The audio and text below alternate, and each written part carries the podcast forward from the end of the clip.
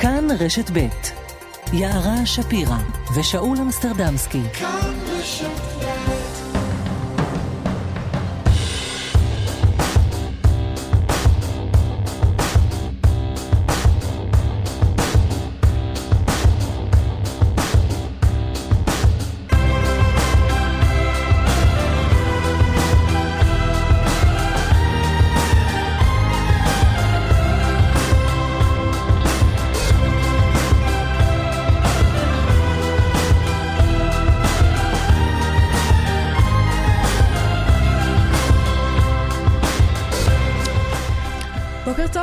אמסטרדמסקי. בוקר טוב, יערה שפירא, זה עדיין מוזר לי, אני לא יודע איך לפתוח את התוכנית הזאת, אני רגיל להגיד, היי, אתם על משחקי הכיס. אתה צריך להגיד, היי, אתם על...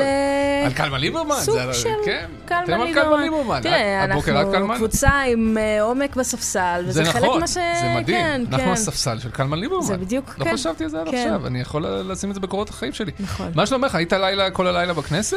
לא הייתה לי ברירה. אה, את אומרת את זה כאילו את לא נהנית מזה. לא, חס וחלילה, אני תמיד נהנית בכנסת. כן. בוודאי בלילות ארוכים שבהם יש הצבעות מונוטוניות כאלה שאין בהן, כן. זה בדיוק מה שאני אוהבת לעשות. אפשר להחליף אותם בבוטים, למה? מתי זה יסתיים כל האירוע? לא, יסתיים, אה, אני אגיד לך מה. זה כן. מטבעו של פיליבסטר, כן. הלא הוא אמור לארוך הרבה זמן. זאת אומרת, זו פונקציית המטרה, מבחינת לפחות. תמיד נראה לי שהם נשברים, האנשים שמנסים לעשות את הפיליבסטר, נראה לי שהם נשברים ראשונים, לא? אני חושבת שיש משהו בלהיות אופוזיציה שהוא קצת קל וכיף. אה, כן. זאת אומרת, כי, כי כן, אין, אין, אין באמת, אחריות. לא צריך להגיע לשום תוצאה סופית. נכון, היא ידועה מראש, ממילא. לא, היא ידועה מראש כן, ממילא, ולכן כן. כל המשחק הוא קצת אה, ככה כן. לעכב, קצת לזה, זאת אומרת, ההישגים הם מאוד פשוטים להשגה. כן, כן. אה, אז, אז זה, זה דווקא טובה, זאת אומרת, לעשות לילה בכנסת. יש לי הרבה דימויים בראש, אבל אני לא אגיד אף אחד מהם, כי אף לא אחד? רדיו ציבורי אסור. כן, אתה רוצה לסגור רגע את המיקרופון לא, לא, לא, לא, כן. בקיצור, באיזה שעה חזרת הביתה? זה החלק המעניין. בשעה מאוחרת. בשעה מאוחרת. בשעה...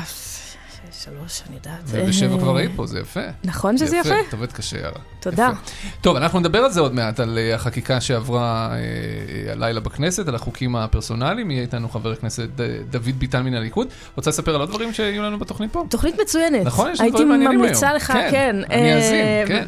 ליאור שילת יהיה כאן, מנכ"ל משרד האנרגיה, על המכרז לחיפוש מאגר כן, גז טבעי. נוסף, חוזרים, כן, לא, הרי היה שלב שבו אמרו שיפסיקו עם זה, נכון. שעכשיו הולכים לאנרגיה ירוקה, ושבכלל... כן. אז פחות, כן. אה, נהיה פרו, אה, עם הבלגן שם וההפגנות והחשש ואזהרת המסע הישראלית, אה, עם פריצת דרך ישראלית שנועדה להציל מיליארדי אפרוחים מפני גריסה, שזה האייטם שכשדיברנו עליו... אני פה בשביל האייטם הזה. אמ, אמרתי שזה לא נעים לי בכלל זה לא נעים, אבל צריך לדבר על זה, כי זה דווקא חדשות טובות. על כל האירוע הזה, כן. כל האירועים מתחום גריסת האפרוחים, אני כן, בכלל לא רוצה לחשוב עליהם, אבל... אבל אנחנו נדבר. אבל אנחנו נדבר על זה בכל זאת. ויהיו עוד הרבה דברים מעניינים. נכון. בוא נגיד תודה לאנשים שעוזרים לנו אה, אה, להכין את התוכנית הזאת. העורכת שלנו היא תימור טל, המפיקים והמפיקות שלנו הם נדב רוזנצוויג והדס סיוון. טכנאית השידור שלנו כאן בירושלים, מעבר לזכוכית, היא קרן בר, והנה אנחנו מתחילים.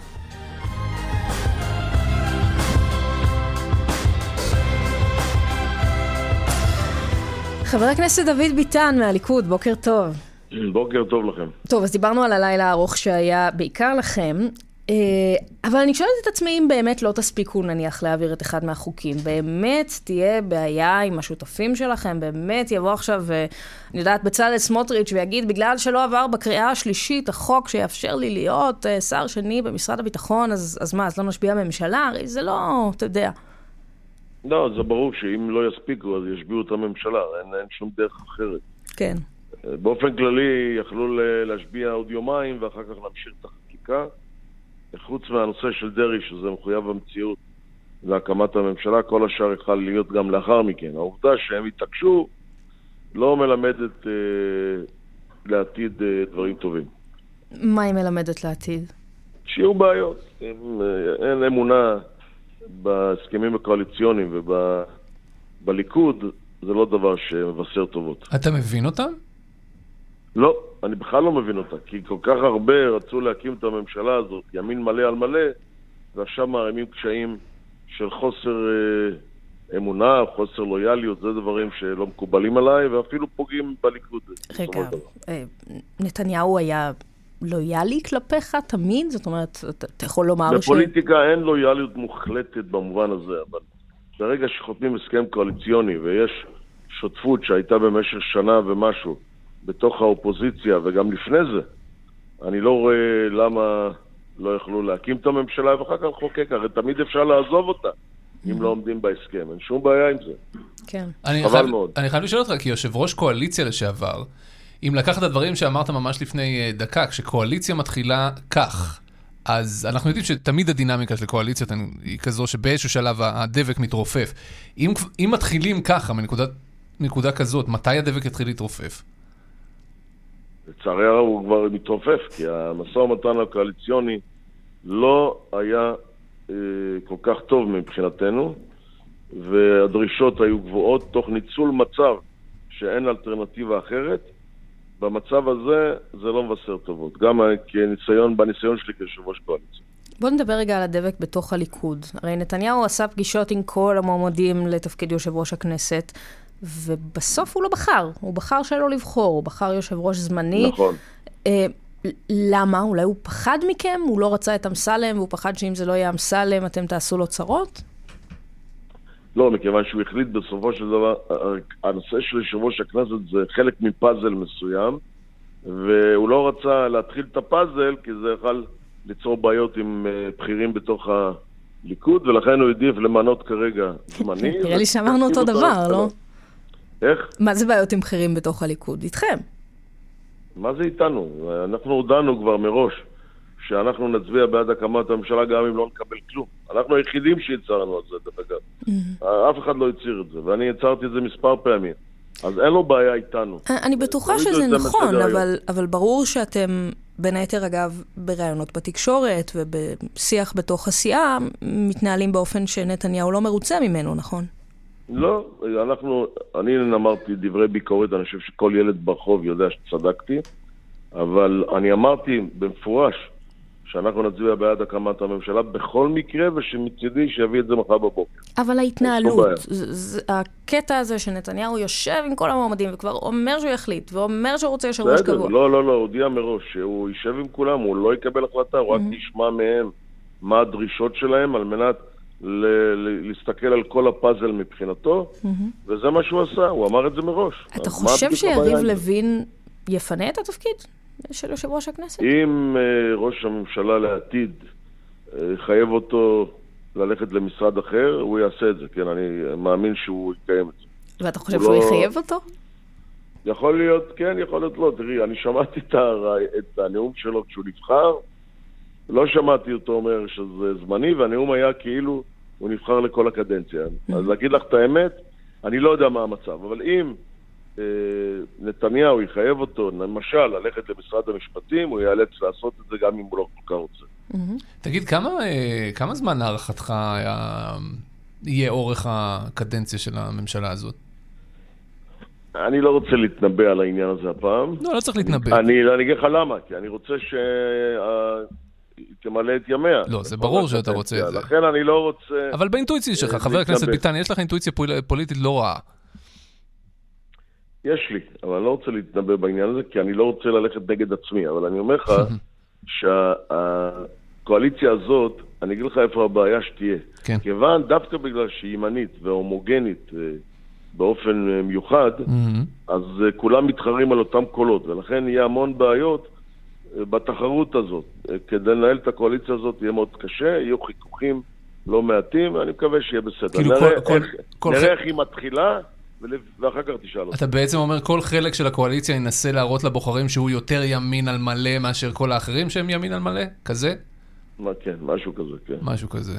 הבנתי. תגיד, אה, אנחנו ראינו את... אה, אה, אתה- הצבעת בעד, אני מניח, בעד החוקים שעברו אה, נכון. בכנסת. כן. לא, אני, אני נאלצתי, הצבעתי בעד החוק של אה, דרעי, ואחר כך התקזזתי כי היה לי השכרה של אחי. אה. נאלצתי אה, ללכת, כן. אוקיי. בהסכמה כמובן. כן, כן, כן. אה, אפרופו החוק של דרעי, יש עתיד ביקשו שאתה בעצם לא, לא תהיה שותף בהצעה הזאת, כן. כי- ייתכן שאתה תרוויח בעצם בסופו של. דבר מהדבר הזה, כי גם נגדך מרחפת סכנה. אז קודם כל, אני הצהרתי במפורש שאני לא מבקש להיות שר, זה דבר ראשון. דבר שני, החוק, התיקון לחוק הזה לא חל עליי, מכיוון שפה מדובר על אה, תיקון לאחר שהורשעת, ואני רק בכתב אישום. מהמם. ודבר שלישי, יש חוות דעת זה לא פעם ראשונה שאנשים נמצאים כביכול במרכאות בניגוד עניינים. אני לא נמצא בניגוד כזה, אבל נגיד שגם אם הייתי, חוות הדעת, זה לא פעם ראשונה שאנשים נמצאים במצב כזה, חוות הדעת המשפטית בכנסת היא שבוועדות אתה לא, אתה אסור לך להצביע, כי אפשר להחליף אותך בוועדה. ובמליאה מותר. זאת במליאה משפטית מותר. נכון אבל... לגמרי, אבל מבחינה ציבורית... רק תצהיר שאתה, יש לך ניגוד עניינים. אני, אני תוהה, אבל איך אתה מרגיש עם זה שהרמת את היד,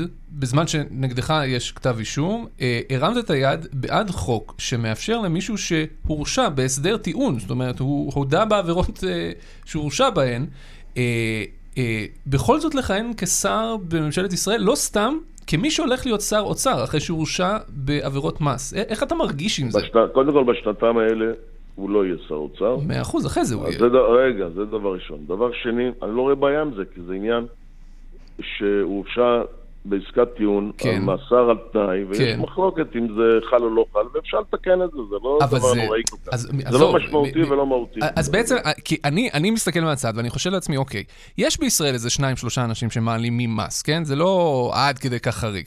מה המסר שהכנסת העבירה להם הלילה?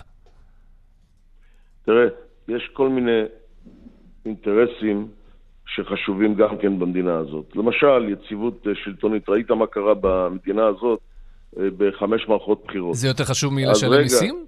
לא, זה יותר חשוב כרגע מזה שדרעי יהיה שר או לא יהיה שר. הנציבות השלטונית היא מאוד חשובה, הוא נבחר על ידי הרבה מאוד אנשים שנתנו לו אמון. הוא נבחר לכנסת, מאה אחוז. הוא נבחר לכנסת מידיעה שהוא הולך להיות שר, ואנשים בחרו בו. והיציבות השלטונית לא פחות חשובה מתשלום מיסים. ש... לא, לא אמרתי מתשלום מיסים. למה, הוא לא משלם מיסים? הוא הייתה איזושהי תקופה שהוא לא שילם, ועל כך הוא הורשע. אני לא אכנס לתוך התיק. לא צריך להיכנס, זה מה שקרה שם. ולעסקת טיעון של, של דרעי, אבל אני אומר לך שזה לא דבר אה, משמעותי ולא דבר מהותי, מה שהתיקון הזה. ואני רוצה להזכיר לך, זה לא פעם ראשונה שעושים תיקונים לחוקי יסוד בהרכבת mm-hmm. ממשלה. אני מזכיר לך את התיקון הכי משמעותי, כן. זה ש... בעצם עשו תיקון לחוק, הוא ובנט, שהוא יכול להיות ראש ממשלה ברגע שהממשלה נופלת בלי בחירות. תגיד, הרי יהיה מן הסתם בג"ץ שיטען שזאת חקיקה פרסונלית, אתם כבר נערכים אליו? גם מה שלפיד עשה זה היה פרסונלי. פרסונלי בזה שיכול להיות ראש ממשלה בלי שהכנסת משביעה ובמצב שיש לו מיעוט בתוך הכנסת. אתם כבר מכינים טיעוני נגד לבג"ץ הזה? יש כבר הכנה לזה? אני לא מטפל בזה. אוקיי. אה, אולי פשוט יעבירו את פסקת ההתגברות, ואז ואז יפתור את הבעיה. מייתר את הבעיה. כן. רצינו לשאול אותך גם על עוד נושא, שאול ואני קראנו בבוקר את הריאיון של אלשיך, המפכ"ל לשעבר, אה, בהמשך כן. לריאיון, שבעצם בליץ ראיונות של מפכ"לים כן, לשעבר, שמסבירים היטב נכון. את דעתם על חוק הסמכויות של בן גביר. אלשיך אומר, אני חרד למדינה, לא הייתי מסכים להיות מפכ"ל של גורם פוליטי, אה, והיום המפכ"ל הנוכחי יגיע לדיונים לא, לא, על החוק לא. בכנסת, לא. ובסוף לא? אני חושב שיש פה הגזמה גדולה מאוד. גם mm-hmm. שר ביטחון הוא גורם פוליטי, ולוקחים את אותו חוק שחל על היחסים בין שר הביטחון לרמטכ"ל, mm-hmm. ומפעילים אותו על בין שר לביטחון פנים למפכ"ל. רציתי לשאול אותך על המפכ"ל הנוכחי. ולכן לא צריך להגזים, גם שר הביטחון הוא פוליטי, שם זה בסדר ופה זה לא בסדר. היה לא, והמפכ"ל... רגע, שנייה, סליחה יאר, אבל אתה יודע מה ההבדל, חבר הכנסת ביטן? הצבא הוא פועל כלפי... כן, קראתי, שמעתי את חוות הדעת של היועצת המשפטית בעניין הזה. כן. בכל מקרה, זו אותה מסגרת יחסים, זה לא משנה כרגע אם זה כלפי... אתה לא מפחד שיש פה איזשהו פתח לניצול לרעה, כך שהמשטרה תהפוך להיות פוליטית? אתה יודע, היום אתם בשלטון, מחר מישהו אחר בשלטון. לא, קודם כל צריך להבין. להבין שהמשטרה, אני לא מאשים את המשטרה, הרי היא צריכה תקציבים והיא צריכה כל מיני דברים על מנת אה, להצליח במשימה. אתה רואה מה קורה היום, יש צורך בחיזוק המשטרה, גם תקציבית וגם מבחינת מדיניות, כי יש, יש בעיות... מה זה אומר לחזק אדם. אותה מבחינת מדיניות? לחזק אותה, הרי בסופו של דבר אתה רואה, אתה רואה מה שקורה בשטח. לא, לא הבנתי, מה זה לחזק אותה מבחינת מדיניות? תקציבים אני מבין. תקציבים וגם מדיניות, לאן, לאיפה לתת את הדגשים. היא חלשה מבחינת קורה... מדיניות, כאילו? ברור, היא, היא לא מסוגלת. למה היא לא מסוגלת? מכיוון שאין לה מספיק יכולת, גם, במיוחד תקציבית, במיוחד דברים אחרים, מבחינת כוח האדם שיש לה, היא לא, היא לא יכולה לטפל בכל הבעיות במדינה, ולכן יש חשיבות שמישהו יתווה את הדרך למשטרה, Mm-hmm. לאן, ל- איפה לעשות את הדרך. היה לא והמפכ"ל קורה. הנוכחי. זה לא קורה, אין מה לעשות. אם המפכ"ל לעשות שבתאי. מגיע היום לכנסת, והוא מגיע היום לכנסת לדבר על זה בוועדה, אם כן. עמדתו כעמדת אה, אלשיך וכעמדת קראדי, ש- שזה חוק לא בסדר, עליו להתפטר בעיניך?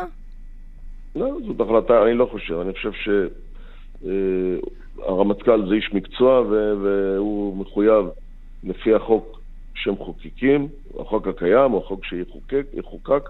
בסופו של דבר, אין פה פגיעה במפכ"ל או במשטרה, דרך אגב. סך הכל מה שרוצים זה שהמדיניות גם תיקבע על ידי, גם, לא רק על ידו, גם תיקבע על ידי השר במשותף עם המפכ"ל, אין שום בעיה עם זה, אני לא רואה למה צריכים להתפטר רק בגלל שאומרים לו, תשמע, עוד מישהו ישתתף איתך בקביעת המדיניות.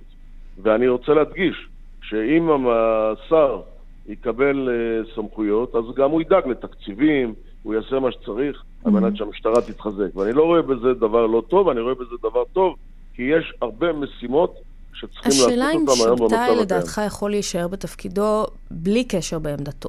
גם אם עמדתו היא שהחוק הזה הוא חוק רע, האם הוא יכול להישאר? כן, אני חושב שכן, אני לא רואה בעיה עם זה. אוקיי. אמרתי שזה אותו דבר כמו הרמטכ"ל ושר הביטחון, אותם יחסים. הרמטכ"ל מתפטר בגלל ששר הביטחון קובע מדיניות מבחינת אה, צה"ל או משרד הביטחון, אני לא רואה בזה בעיה. חבר הכנסת אה, דוד ביטן מהליכוד, תודה רבה לך שהיית איתנו. תודה לך. טוב, אנחנו עוברים עצמם. הסיפורים הקשים באמת ששמענו לאחרונה, למרות שמקרי האלימות, אה, דיברנו עליהם לא מעט אה, לאחרונה, גם בכבישים, לא רק בבתי הספר, אבל אה, נער שנמצא במצב אה, אנוש, אחרי שנדקר בבית ספר אה, ברחובות, סיון סיסאי, כתבתנו, שלום. שלום, אה, בוקר טוב, יערה ושאול. אה, עדיין מונשם ומורדם, נכון, במצב קשה אך יציב, אה, ויש ארבעה חשודים עם עבר פלילי שנעצרו, יש פרטים שחוסים תחת צו איסור פרסום, אז בואי ת, תעשי לנו בריף של מה שמותר לומר.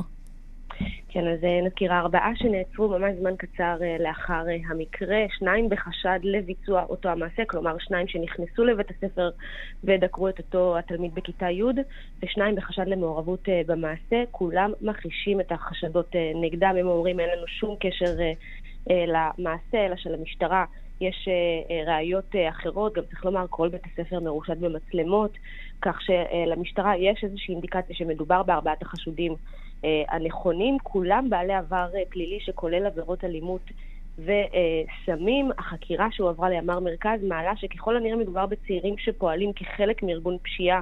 ונבדק גם החשד שמדובר בחיסול חשבונות בין ארגוני פשיעה יריבים. כל הדבר הזה זולג... בבית ספר ב- זהו, בני- שכולם בני- נערים. הם בני כמה הם?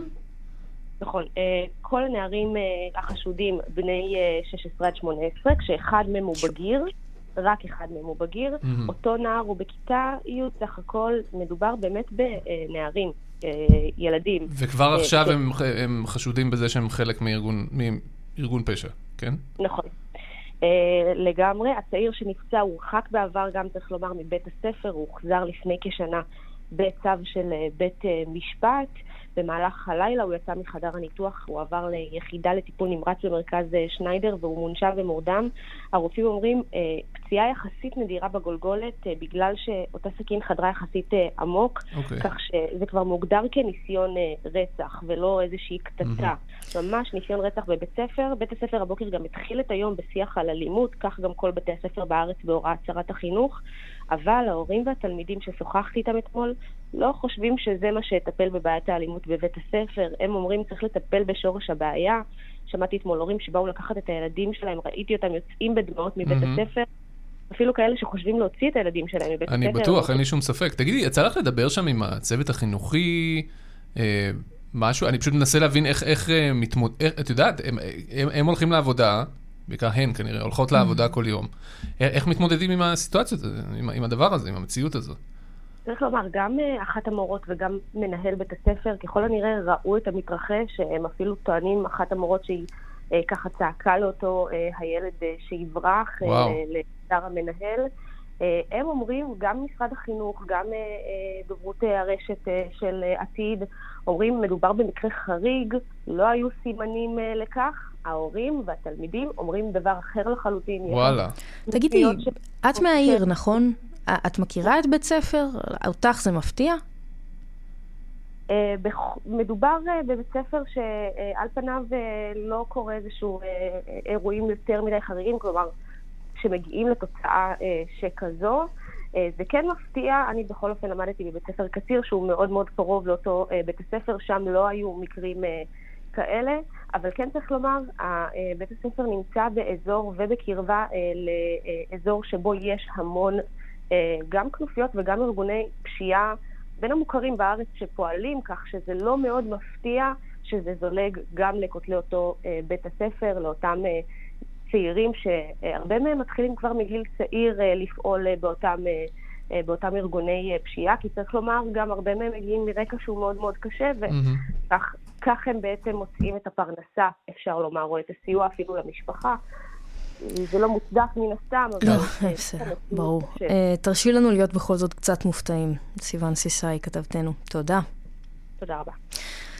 אגב, אני רק אגיד שזה טיפה פחות סוכר, אבל זה מתחבר למקרה אה, שהיה לפני יממה וחצי, אני חושב, בפתח תקווה, שנער בן 16 ליווה את חברה שלו ב-10 אה, בלילה, הביתה, מבילוי, והם הלכו ברחוב ודיברו קצת חזק לטעמם של כמה נערים אחרים שהם היו שם, והם תקפו אותו עם עלה והוא בטיפול נמרץ. כן, לא, היו כמה מקרים כאלה לאחרונה. כן, כן. אה, של, אה, שלא לא נזכיר את אה, לאנגל, כן. כן.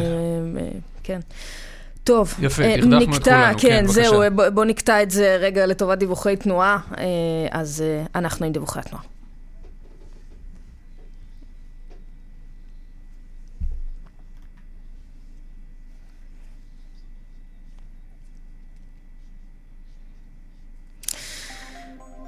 אז, באיילון צפון העומס תנועה ממחלף יוספטל עד וולפסון, דרומה ממחלף שבעת הכוכבים עד גלילות, דרך ירושלים תל אביב עמוסה ממחלף בן גוריון עד קיבוץ גלויות, בכיוון ההפוך ממחלף לטרון עד שורש. דיווחים נוספים יש בכאן מוקד התנועה, כוכבית 9550, ובאתר שלנו. אנחנו יוצאים להפסקת פרסומות קצרה, מיד חוזרים.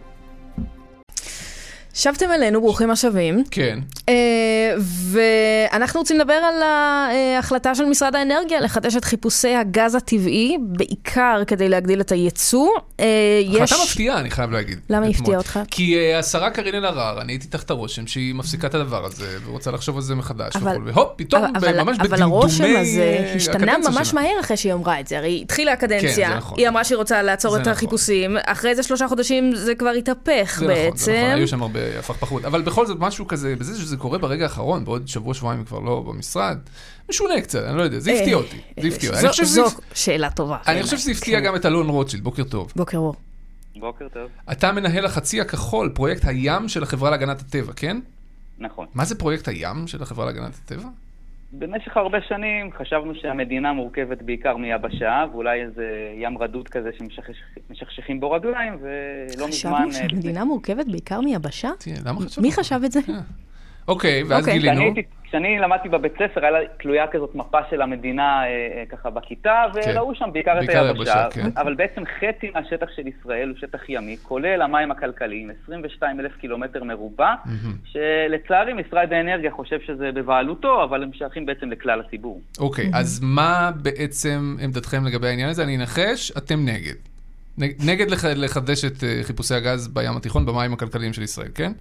אנחנו נגד להרחיב אותם. יש היום קידוחים, כולנו מכירים אותם, תנין, כריש, לוויתן וכדומה. Mm-hmm. אנחנו תמכנו בכך שהם יפותחו כאנרגיית מעבר, אבל היום לקדם הרחבה משמעותית של חיפושי הגז והנפט, שאת התוצרים האלה אולי יהיה עוד עשר שנים, בסיטואציה שבה העולם כולו מדבר על איפוס פחמני בשנת 2050, הדבר הזה אין לו שום הצדקה לא אה, אקלימית ובעיקר גם לא כלכלית. כי אם אנחנו אה, מבינים שהעולם כולו עכשיו רץ בצורה, בריצת אמוק לאנרגיות מתחדשות, אגב, בעיקר אה, זה הואץ על ידי המלחמה כן. באוקראינה והרצון להשתחרר מהתלות בגז הרוסי, אז mm. בעצם מדינת ישראל באה ואומרת, רגע, רגע, אנחנו חיים רגע בעולם האתמול, בואו נעשה עכשיו מהלך שאולי עוד 10-15 שנה אנחנו נתחיל... אתה יודע אה, שהרצון להשתחרר מהגז הרוסי הוא אותו נימוק שמשמש דווקא לחיפושי גז טבעי.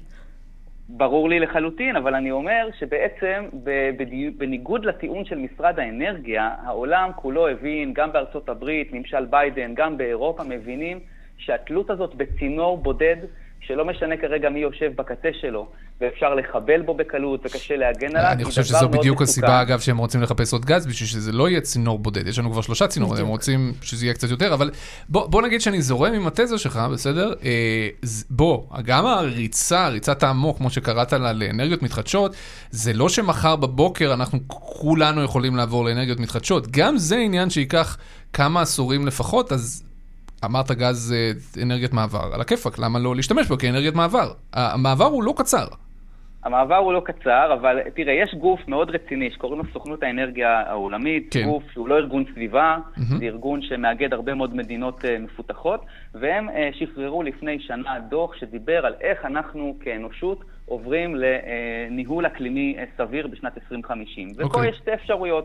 אפשרות אחת, עד 2050 בואו נשרוף כל גז שאנחנו רק מוצאים באדמה, נפוצץ את האטמוספירה שלנו בגזי חממה, ואז ננוח, זו אפשרות אחת. אבל הם אמרו, לא, האפשרות הנכונה ביותר היא האפשרות השנייה, עושים phasing out, והם אמרו, בשנת 2021, שנה שעברה, היא השנה האחרונה שבה צריך לאשר פיתוח שדות חדשים של דלקים פוסיליים. וזה לא אני אמרתי כארגון סביבה.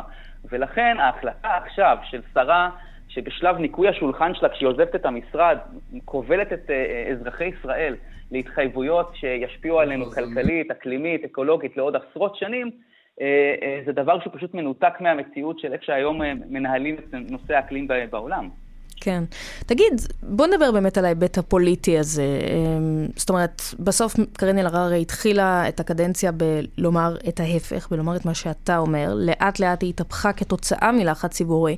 ואם אני מסתכלת על הכנסת הנוכחית, נפלטו ממנה הרבה מאוד מחוקקים אה, סביבתנים. זאת אומרת, בסוף, בבחירות האחרונות, כשזה הגיע למבחן ההצבעה של הציבור, השיקולים שאתה מדבר עליהם לא היו חשובים מספיק בשביל ללכת לקלפי בשבילם. אה, אני לא מבין גדול בפוליטיקה, אבל לצערי הסיפור הסביבתי בכלל לא היה באג'נדה של הבחירות. כשנגיע לשם אני אהיה במצב אה, טוב. נראה לי שהבחירות האחרונות בישראל, או כמו כל מערכות הבחירות האחרונות, לא היו בכלל על הסוגיה הזאת, אבל זה לא בדיוק. אומר... בדיוק. אבל זה, אוקיי, אבל זה לא, הם היו על סוגיות אחרות, אבל זה לא אומר שהסוגיה הסביבתית לא הולכת להשפיע על אזרחי ישראל שנמצאים באזור שהוא אחד הפגיעים ביותר. לא, כן, אבל בסוף זה דמוקרטיה. אזרחי ישראל פחות או יותר אמרו, לא אכפת לנו. אז בואו רגע נדבר על דמוקרטיה. אנחנו פנינו למשרד האנרגיה, שהיום מתנהל במים הכלכליים בהיעדר חוק שמסדיר את כל הפעילות שם, והגשנו בקשת חופש מידע. אמרנו, תגישו לנו בבקשה, הגשנו את זה כבר באוקטובר, mm-hmm. את כל הנתונים וההצדקה הכלכלית והאקלימית וכדומה לכך שאתם רוצים לעשות הליך אה, אה, נוסף של חיפושי גז. ולא קיבלנו עדיין תשובה. עכשיו, רגע, אני קצת מבולבל. אם הם קיבלו החלטה אתמול, אה, ובוודאי כל המידע היה בפניהם, למה הם לא חשפו אותו לציבור? אז תקשיב, למה הם לא חשפו אותו תקשיב, מידע? יש לנו פטנט אדיר. תמתין איתנו בבקשה על הקו. בוא נגיד בוקר טוב לליאור שילת, מנכ"ל משרד האנרגיה. בוקר טוב, בוקר טוב, יאללה. בוקר. אה, אז על סמך מה קיבלתם את ההחלטה הזו? טוב, אה, כמו שאתם בוודאי יודעים, וגם הזכרתם את זה בריאיון הקודם, אנחנו אה, נמצאים במצב שבו אה, גז כחול לבן בעצם מהווה איזשהו buffer שדי הציל את ישראל בשנה האחרונה מהעלייה הכמעט מטורפת של אה, מחירי אנרגיה ובייחוד מחירי חשמל בעולם. אנחנו היום נהנים ממחירי גז שהם נמוכים בצורה דרמטית ביחס למחירים במדינות אחרות. שלא לדבר על זה שהגז גם מהווה יתרון אה, גיאופוליטי מאוד מאוד אה, גדול למדינת ישראל. לא, מאה אחוז, הכל בסדר, אבל היה איזה רגע בקדנציה אה, שלכם, תחת השרה שלך, שבו החלטתם, אוקיי, אנחנו מקפיאים את הדבר הזה, ואנחנו רוצים לבחון את זה מחדש, הרגע הזה היה קצר מאוד. נכון, עשינו בהחלט, בעקבות ההתחייבות הישראלית לאיפוס פחמני בשנת 2050 בוועידת האקלים בגלסגו, ביקשנו לעשות הערכה מחדש.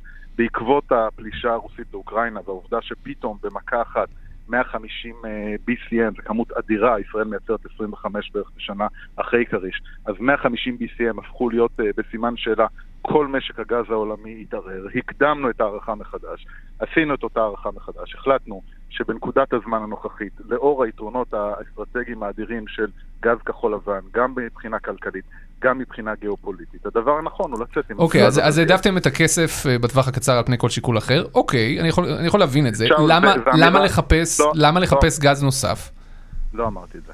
מה שאמרתי זה משהו יותר רחב. גיאופוליטי, בסדר, לא רק כסף, בסדר. גם בראייה ארוכת של העשור של 2030, ואולי אפילו העשור של 2040, אף אחד לא טוען שלא יעשה שימוש בעולם אה, בגז.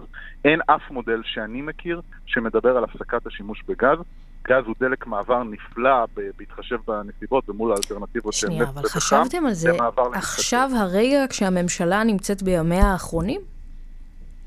אנחנו התחלנו את ההליך הזה בהודעה שנחסתה בחודש אה, מאי, לפני שהוכרז על אה, הקדמת הבחירות, ולאורך כל התקופה אנחנו התקדמנו בתהליך עם ייעוץ משפטי שאמר לנו כמובן מה מותר לנו ומה אסור לנו.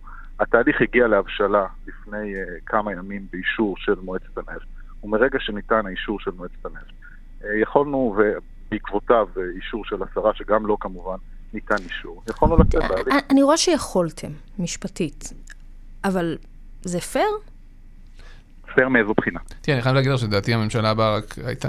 רק תשמח מזה. לעשות- כן, רוצה אבל לעשות- בסוף זו- בא, זו אומר- כאן אלון רוטשילד, אה, איך זה יכול להיות שעושים מחטף בסוף ממשלת מעבר, כשממשלת המעבר הזאת התחילה כממשלה שבה השרה הממונה אמרה שהיא לא רוצה ל- לעסוק בזה. ברגע האחרון עשיתם שינוי פרסה, עשיתם סיבוב פרסה. אז עוד פעם, אני אומר, הערכה מחדש שעשינו אותה, עשינו אותה בעקבות הפלישה הרוסית לאוקראינה וההשפעות הגדולות שהיו לה על אה, משק האנרגיה העולמי. ההודעה שנתנה שרת האנרגיה הייתה כבר בחודש מאי, ושום דבר חדש, לא, לא שמעתם אתמול, שום דבר שלא שמעתם בחודש מאי מבחינת הכוונות. ההליך הוא מטבעו הליך, היו פה כל מיני דברים שקרו לאורך ההליך, והוא הבשיל לפני כשבוע. אני מניח שגם רציתם. להספיק. אה, תגיד, אה, כשאתה אומר שזה אה, גז הוא אנרגיית מעבר, מעבר זה מה? 20 שנה? 30 שנה? 50 שנה? 15 שנה? יש, אתה שואל שאלה מצוינת. אה, בסופו של דבר, היעד של איפוס פחמני הוא יעד של אה, 2050. יש שאלה שאנחנו מתחבטים בה, כמו משרדי האנרגיה בכל העולם, בשאלה האם גז יחד עם אה, קליטה והטמנה של פחמן ימשיך להיות מקור אנרגיה גם אחרי 2050 כשהוא מאופס פחמנית. זאת אומרת, הגז אומנם אה, יישרף למטרות אה, ייצור חשמל, אבל אחרי זה ה-CO2 שנפלט ממנו ייקלט אה, באדמה. בכל אופן ברור, המגמה העולמית היא מאוד מאוד ברורה, והיא מגמה שהולכת לקראת יותר ויותר ייצור חשמל ממקורות uh, מתחדשים, ועדיין, גם בעשור הבא וגם בעשור שאחריו, גז יהיה מקור אנרגיה משמעותי בעולם, לפי כל תחזית. אגב, כשאתה אומר בעולם, ואני רואה בהודעה שלכם שדיברתם על ייצוא, אני שואלת את עצמי למה ממשיכים לאפשר את הגדלת הייצוא אם אנחנו בספק ביחס לוודאות של אספקת הגז לישראל. אז עוד פעם, השאלה היא לפי איזה מודל עובדים. ככל שיהיה יותר מתחדשות במדינת ישראל, ככה יהיה לנו יותר גז עודף שנוכל uh, לייצא אותו, כי מטבע הדברים, אם אנחנו מייצרים חשמל בישראל במתחדשות, אנחנו צריכים פחות גז לייצר חשמל uh, לטובת uh, מדינת ישראל, ונוכל להעביר אותו לטובת ייצור גז ב- במדינות אגב, אחרות. אם, אם, אם להסתמך על אה, ההסכמים הקואליציוניים החדשים שנחתמים, יש פה אה, סקטור שלם שמעוניין אה, בחשמל כשר, כזה שמיוצר על בסיס אנרגיה מתחדשת. אז אולי זה מה שידחוף בסופו של דבר את האנרגיה המתחדשת. פחות את הגז. כן. Who knows?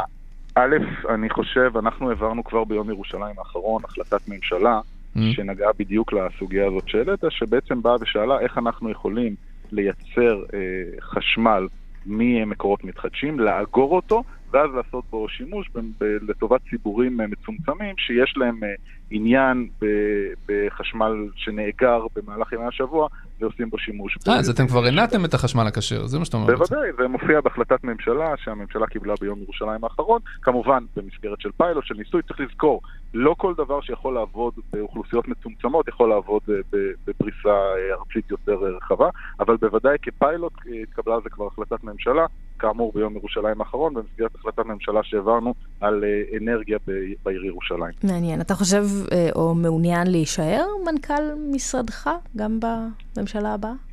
שאול שאל אותי את זה שבוע שעבר, אמרתי, אני באתי לשרת את מדינת ישראל. ככל שירצו שאני אמשיך לשרת את המדינה בשמחה, אם לא, נצדיע לדגל ונמשיך הלאה. ליאור שילת, מנכ"ל משרד האנרגיה, תודה רבה שהיית איתנו.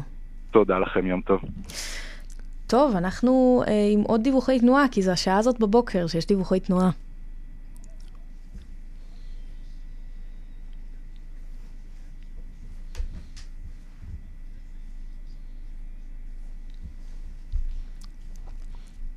יש תנועה, אז יש דיווחי תנועה. בגיאה צפונה עמוס ממחלף השבעה עד גבעת שמואל, דרומה ממורשה עד גבעת שמואל.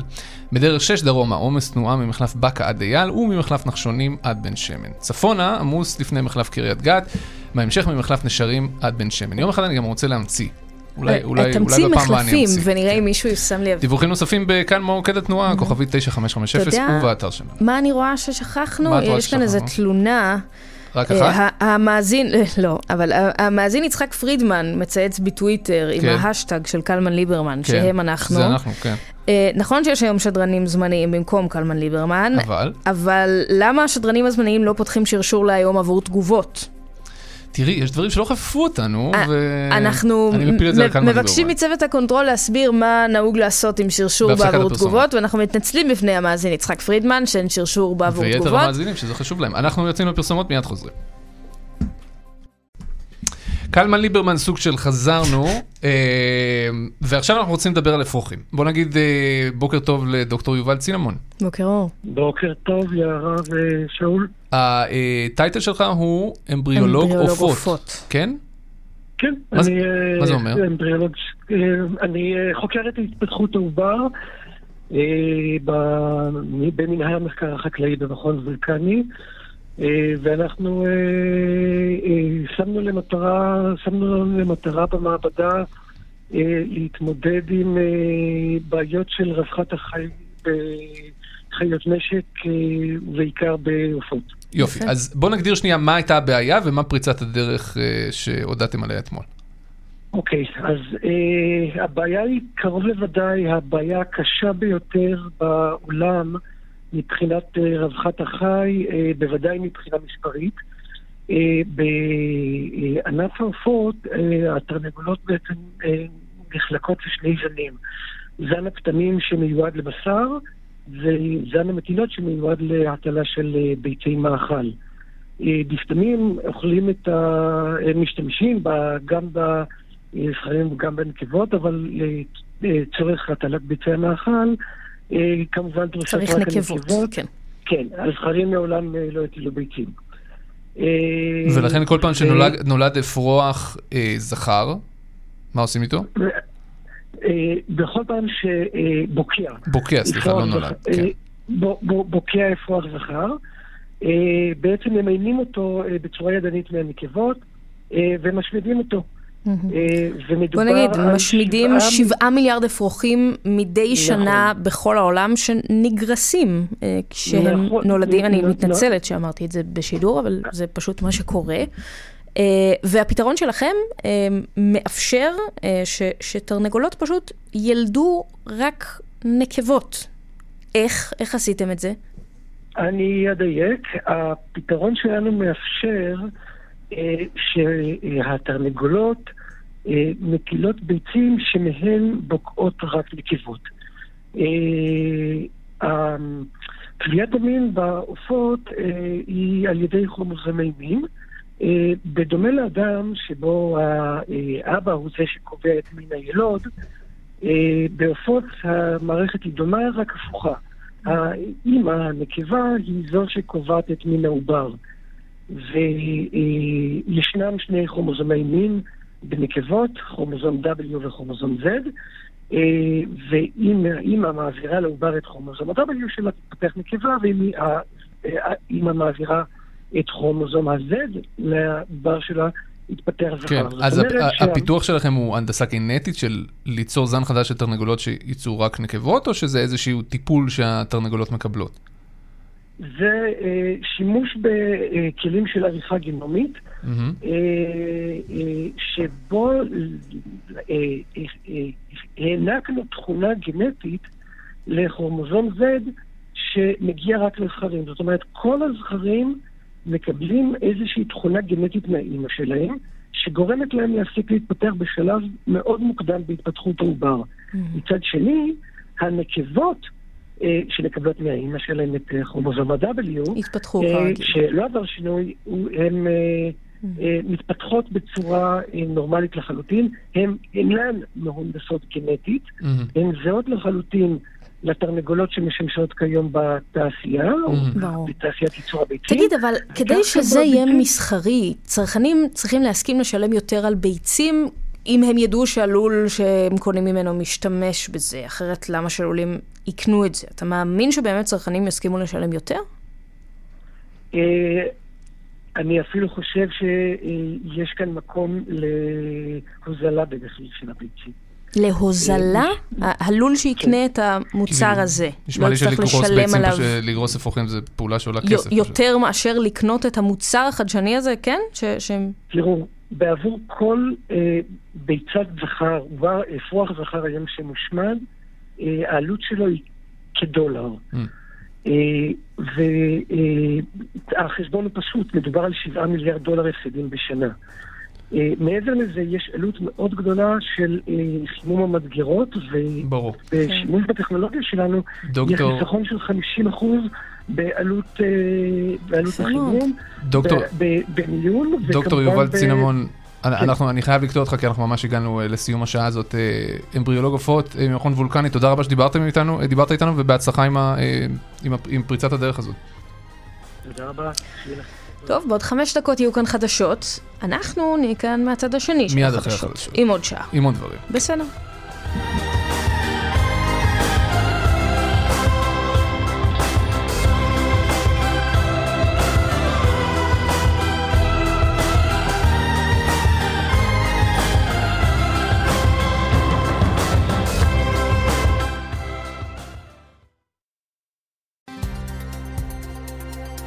רשת ב' יערה שפירא ושאול אמסטרדמסקי.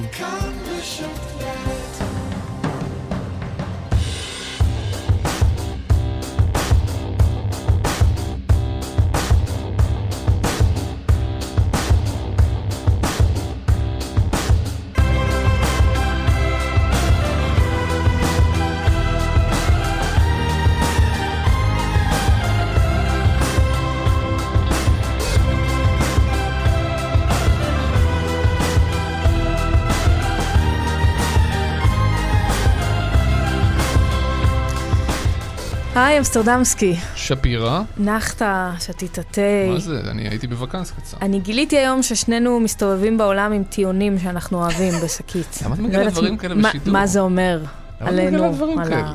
כן. אה, אתה יודע מה קורה היום בערב? בוודאי שאני יודע מה קורה היום בערב. מאזיננו יודעים מה קורה היום בערב? יש החלטת ריבית בארצות אני הברית. יודעת שאתה מתרגש. יש גם משחק קטן, אבל. חוץ אה, ממנו אה, יש... אתה יודע, בקטנות. ממש לפני שהוא מתחיל, יש החלטת ריבית בארצות הברית. כן. ככה אני זפזפ. אה, אם נדבר על זה. אנחנו נדבר על זה עם נוח האקר, שהוא הציר הכלכלי של מדינת. ישראל, שוהה בארצות הברית ממש עכשיו שם, לפני אה, בוקר. עוד כן. נדבר על כן. חשמל כשר, שזה נושא שאנחנו אוהבים. מאתמול. כן, חייב להבין איך עושים את זה. איך עושים חשמל כשר? כן, חשמל אני מבין. בגדול לא בשבת, נראה לי עיקרון, חשוב, עיקרון מפתח זה ב- נשמע- בהכשרת חשמל. נשמע פשוט על הנייר, זה כן. מסובך בפועל. בהחלט. אה, ועל פריצת דרך בתחום ההיתוך הגרעיני. אה, אפשר לעשות היתוך קר, כן, לא יודע מה זה, אבל אני אעמיד אבל פנים אנחנו שאני נשאל, הבנתי. כן. נשאל מישהי שיודעת מה זה. כן. כן, אה, היא פיזיקאית, היא ממש טובה בזה, היא תסביר לנו. אה, אה, עדכוני מונדיאל, עדכוני תנועה. שיחות נוספות, עדכוני תנועה. נמציא מחלפים. אל תגלה, אבל לא אם אתה אבל תגלה, הם נמציא. ידעו שהמצאנו. את צודקת, לא אגיד. איזה אבל. נתחיל? יאללה.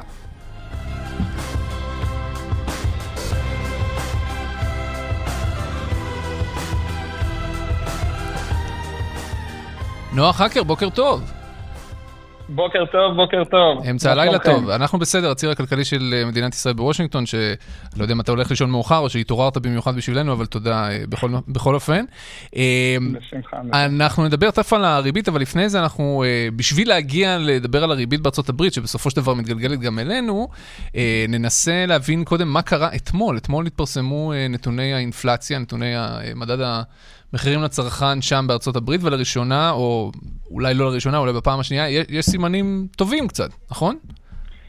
אה, אז זהו, פה בעצם, אה, וזה לא בפעם הראשונה, מהמם. הופתעו מהנתונים שהתפרסמו, בדרך כלל ההפתעות הן הפוכות, אבל אה, באמת אחרי דוחות שהתפרסמו פה על גידול בצריכה הפרטית ונתונים שוברי שיא של צריכה של משקי הבית האמריקאים במהלך סוף השבוע של בלק פריידיי, דברים שאמורים לאותת עלייה באינפלציה, mm-hmm. הגיע נתון של אינפלציה נמוכה, וזה באמת תפס פה את מקבלי ההחלטות בצורה מאוד מפתיעה. בוא נשים קצת מספר, מספרים על השולחן, אנחנו רואים כאילו שהאינפלציה יורדת, היא עדיין 7 אחוזים, זה עדיין הרבה בשנה, כן? בוא נגיד גם האינפלציה לא יורדת, המדד המחירים לצרכן עלה. נכון, עלה, בעשירית. הוא עלה ב-0.1 אחוז, כן. אבל, אבל וכמו שאנחנו יודעים, גם אינפלציה זה רק השינוי, זאת אומרת, המחירים, רמת המחירים היא גבוהה, פשוט לא כן. עלתה יותר המון, אלא עלתה מעט יותר. אז מה שאנחנו מתכוונים לומר, מוקדם לדבר על חזרה לשגרה, נכון? לא, אבל כן צריך להגיד, מדובר באינדיקציה משמעותית, והיא כבר כמה חודשים ברצף שאנחנו רואים אינדיקציה של התייצבות באינפלציה, ואם, ואם נסתמך על אה, הצהרות, גם של יו"ר הפד, לפני כשבועיים, צריך לזכור, היה את uh, הודעות הפיטורים ההמוניות בחברות הטכנולוגיה, mm-hmm, 20 אלף באמזון, כן. mm-hmm. 10,000, 11,000 במטא בפייסבוק וכ-8,000 בטוויטר, כל ההודעות האלה גרמו ליו"ר הפד uh, בעצם לצאת אה, אנחנו חושבים... שהעלאת כן. הריבית הבאה שאנחנו מצפים לה ביממה הקרובה תהיה מתונה יותר, אז זה בהחלט נתון שתומך את השינוי מגמה הזה. או, או במילים אחרות, ברגע שאנחנו רואים את האינפלציה, כמו שאתה אומר, היא עדיין עולה, אבל קצב העלייה מתמתן, ואפילו אה, אה, מאט, סיכוי סביר שהלילה שעון ישראל, אה, אחר הצהריים אה, שעונך, אה, אנחנו נראה את יושב ראש הבנק המרכזי שם אומר שהוא מעלה את הריבית, אבל... קצת פחות. פחות, כן? בדיוק. כמו שאמרת, היעד של הבנקים המרכזיים הוא 2% אינפלציה, אנחנו נמצאים במעל 7. לכן כן, כאן ככל הנראה נמשיך לראות... אנחנו מדי פעם פחות שומעים אותך טוב. 0.75, אה, אז הקצב הרצוף הזה של 0.75 פעם אחר פעם, אה, כנראה יתמתן. נוח, אה, אתה כלכלן והציר הכלכלי, והיית סגן הממונה לתקציבים. אנחנו מדברים על זה ש... הריבית תמשיך לעלות, אבל בקצב קצת יותר נמוך, סבבה, אנחנו עדיין בריבית יחסית גבוהה אה, למה שהכרנו בעשור האחרון. איך הריבית הגבוהה הזאת תשפיע לדעתך בשנה הקרובה על מה שאנחנו רואים בעולם? אנחנו רואים כבר גלי פיטורים, הזכרת את ההייטק, אבל לא רק שם, אנחנו רואים מפעלים כבר מודיעים על אה, פיטורים, סגירות, פשיטות רגל וכולי. זו, ככה תיראה שנת 2023? אז יש משהו, אה, כמו שאתה אומר, הסיפור באמת, הפוקוס עובר מנתוני אינפלציה לנתוני צמיחה. הקרן המטבע העולמית פרסמה תחזית אה, די עגומה לצמיחה העולמית בשנה הבאה, אה, אם זה כאחוז צמיחה בארצות הברית, עוד חצי אחוז צמיחה באירופה, אה, גם התחזיות בישראל עודכנו לאחרונה, והתפרסם התחזית של הכלכלנית הראשית באוצר לשלושה אחוז בשנה הבאה, אחרי באמת שנים של צמיחה מאוד מאוד גבוהה. וזה בעצם מה שמספר את הסיפור, שמה שהניע את האינפלציה זה לא צד הביקורים, בריביות, אלא צד ההיצע. וצד ההיצע שהושפע מלכתחילה מנושא הקורונה ומדיניות הקורונה בסין והמשבר הגיאופוליטי בין אה, רוסיה ואוקראינה, שיצר את אה, משבר האנרגיה, בעצם הם המאיימים העיקריים על הכלכלה העולמית. ואני חושב שאולי אחד הדברים הכי מדהימים שאמרה שרת האוצר האמריקאית בריאיון לתוכנית 60 Minutes שהתפרסם פה אתמול או שלשום, אני כבר, הימים התבלבלו לי, mm-hmm. שהדבר היחיד והטוב ביותר שאנו, הכוונה ארה"ב, יכולים לעשות למען הכלכלה העולמית הוא לסיים את המלחמה של רוסיה באוקראינה. אין חשש מה... שהפעילות המצננת של הפד הייתה מדי נמרצת ונתוני התעסוקה היפים שהתפרסמו התקלקלו קצת בהמשך הדרך? כרגע גם צריך לומר, נתוני התעסוקה פה הם עדיין חזקים. עדיין מדובר על כשתי משרות פנויות על כל מבקש עבודה. יש פה, שוק העבודה פה עדיין חם. זה מה, ש, זה מה שאומר שכנראה הפעולות הרבות בצד הביקוש חייבות את ההשלמה שלהם בצד ההיצע, וזה כנראה מה שהוריד את האינפלציה בנתון האחרון, זה ירידה במחירי המשלוחים ובזמני האספקה. ככל שהדבר הזה ימשיך, אז הבנקים המרכזיים יוכלו בהחלט אה, להתחיל להוריד את הריביות כדי למנוע מצב של מיתון. אבל uh, את זה נדע רק בנתונים הבאים ובחודשים הקרובים. נוח, תגיד שאלה אחרונה uh, לסיום. מעבר לזה שאני מודה שלא הצלחתי להבין אם אתה יותר אופטימי או יותר פסימי, uh, אולי גם אתה לא יודע. Uh, אתם uh, צופים שם במונדיאל בארצות הברית? חד משמעית. אה, צופים במונדיאל. היה פה אפילו איזו התלהבות רגעית שארצות הברית התקדמה מעט אה, לשלבים כן, יותר מאוחרים. מעט. אהה. אבל אה, בטח שמגיעים לחצאי גמר וגמר, אז אה, הצפייה פה, רק צריך להגיד שבעוד שאצלכם המשחקים הם בשעת ערב, פה שם יותר המשחק קשה. אה, היום למשל יהיה בשתיים בצהריים, ממש עם קשה, פרסום... אה, קשה, כל הסיאסטה הזאת. קשה, כל הסיאסטה הזאת באמצע היום, זה- זה קשה, זה חיים קשים, נוח, אני מקווה שאתה... שיש לך קבוצות, קבוצות קשה, תמיכה, קשה. וכן, כן.